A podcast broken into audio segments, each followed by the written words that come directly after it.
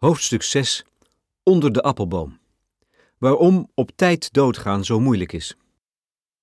Ik ontmoet Joop van Loo op een herfstige septemberdag in 2012 in zijn staakerven op Ameland.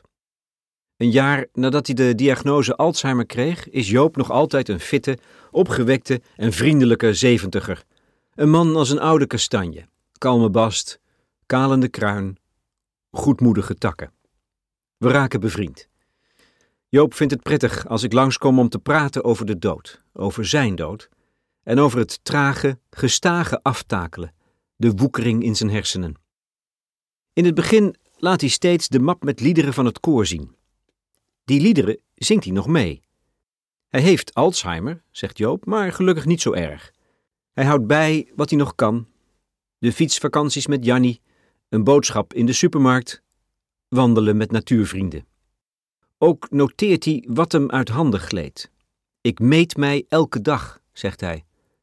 Waarmee hij bedoelt dat hij dagelijks, aan de hand van een lijstje, controleert of hij niet te erg dementeert. Want dan zal Joop om euthanasie vragen. Joop houdt zich aan dat lijstje vast als een drenkeling aan drijfhout.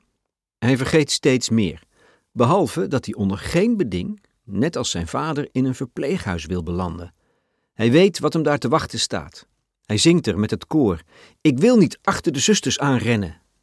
Als hij niet meer thuis kan wonen bij zijn grote liefde Jannie, gaat hij liever dood.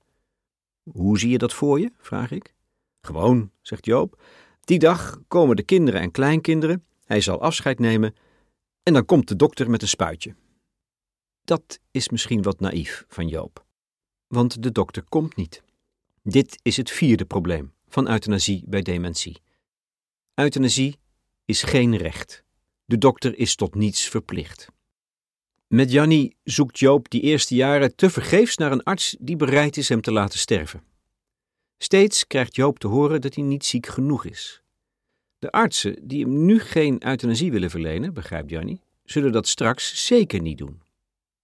Wanneer Joop helemaal dement zal zijn, zal een arts zijn lijden wel ondraaglijk noemen, maar Joop evengoed niet laten sterven omdat hij niet langer wilsbekwaam is. Ik denk niet dat Joop die catch-22 helemaal begrijpt. Toch is het eigenaardig dat Joop van Loo in de eerste jaren van zijn Alzheimer geen huisarts kan vinden die hem wil helpen. Hij is inderdaad opmerkelijk fit voor een man van 75.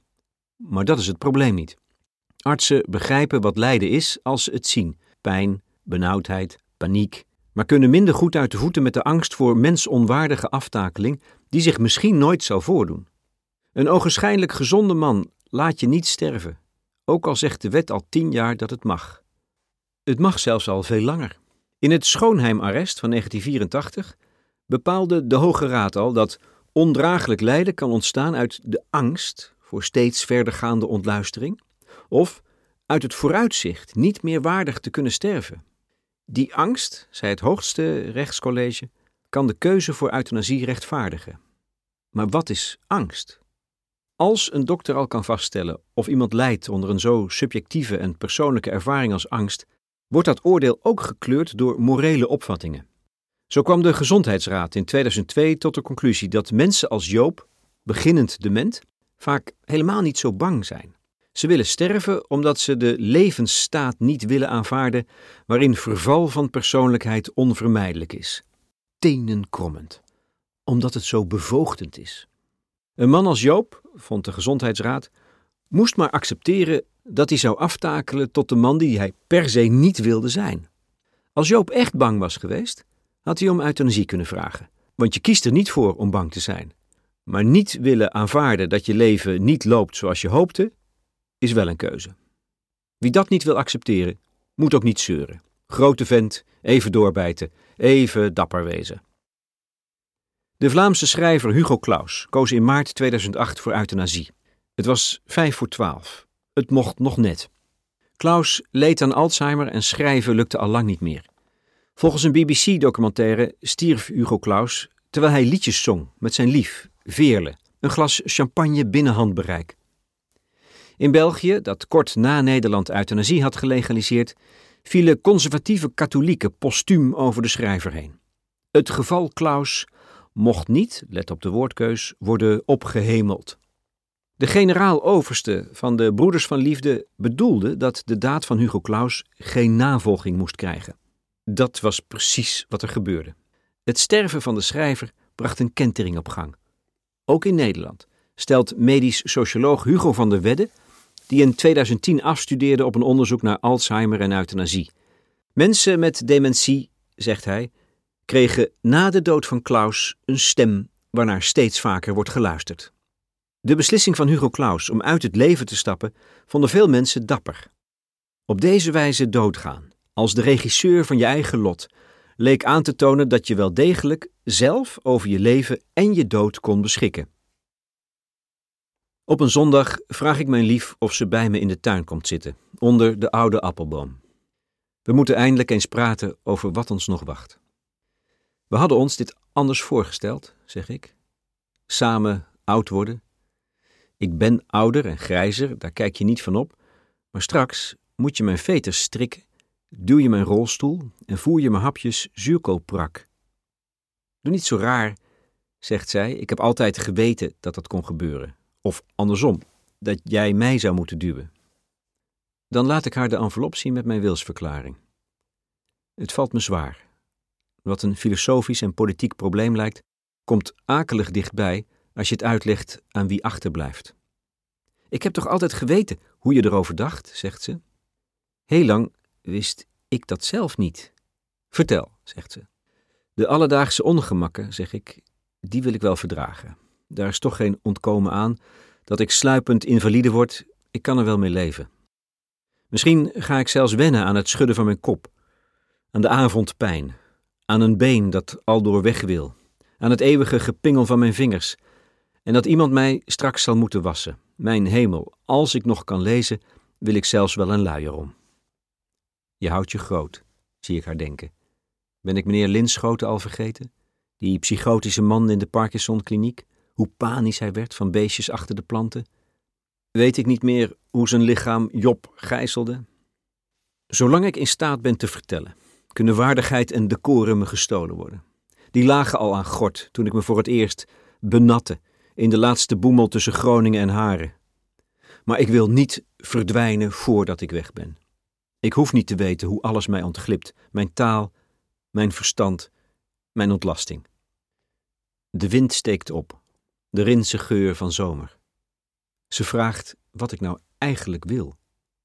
Ik dacht dat ik dat wist, dat ik het voor moest zijn, net als Hugo Claus, net als Joop, als ik op tijd de moed kon vinden. Het is mei 2017. Dat Joop van Loo die maandag dood zal gaan, weet ik al weken. Over dat doodgaan heeft hij zes jaar gedaan. De weken voor zijn euthanasie verlopen zoals Joop het zich heeft voorgesteld. Al vraagt Jannie zich af of haar man wel beseft dat het zijn laatste weken zijn, daar op Ameland, in de luwte van het lage duin waar ze elke zomer cranberries en bramen zochten. Joop had best nog twee of drie jaar kunnen leven, zal Jannie later zeggen. Het leven met haar grote liefde was nog waardevol. Er was nog zoveel Joop over. Natuurlijk, soms was ze boos geworden als Joop het gas liet branden, ochtends haar ondergoed aantrok, of als een kuiken achter haar aan drentelde. Maar hij kon het niet helpen en je went aan veel. Joop schoof de datum waarop hij zou sterven steeds voor zich uit. Uiteindelijk vonden ze een huisarts die hem wilde helpen. Maar ook deze dokter zou Joop geen euthanasie meer verlenen als haar man wils onbekwaam was. Wat moest ze dan doen? Gearmd lopen we op een middag door haar dorp, over een fietspad, langs klimrekken met spelende kinderen.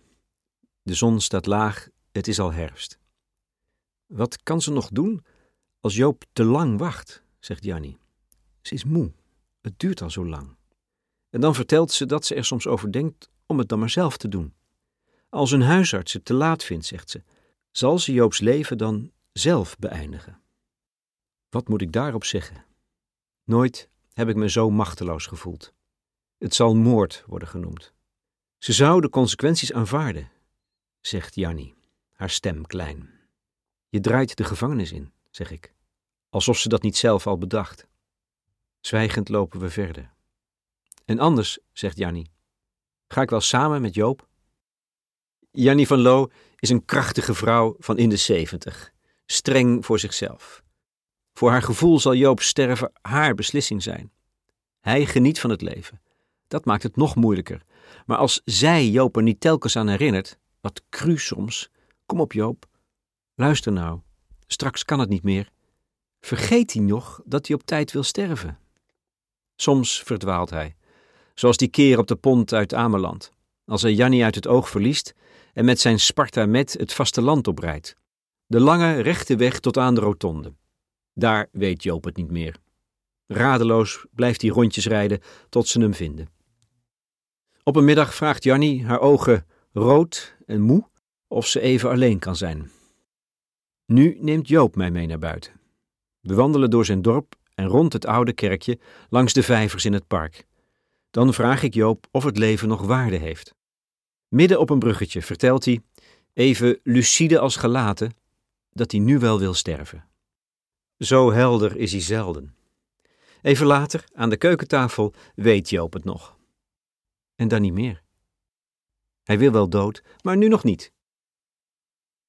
Die maandag in mei.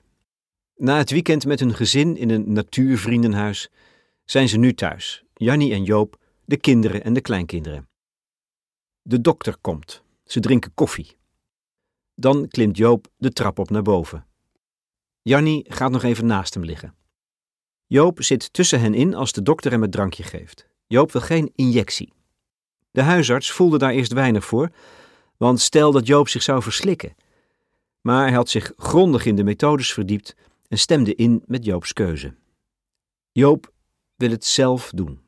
Zo zeker is hij al weken. Hij drinkt zijn drankje. Het smaakt, zegt hij, niet eens zo raar. Binnen een minuut is hij weg.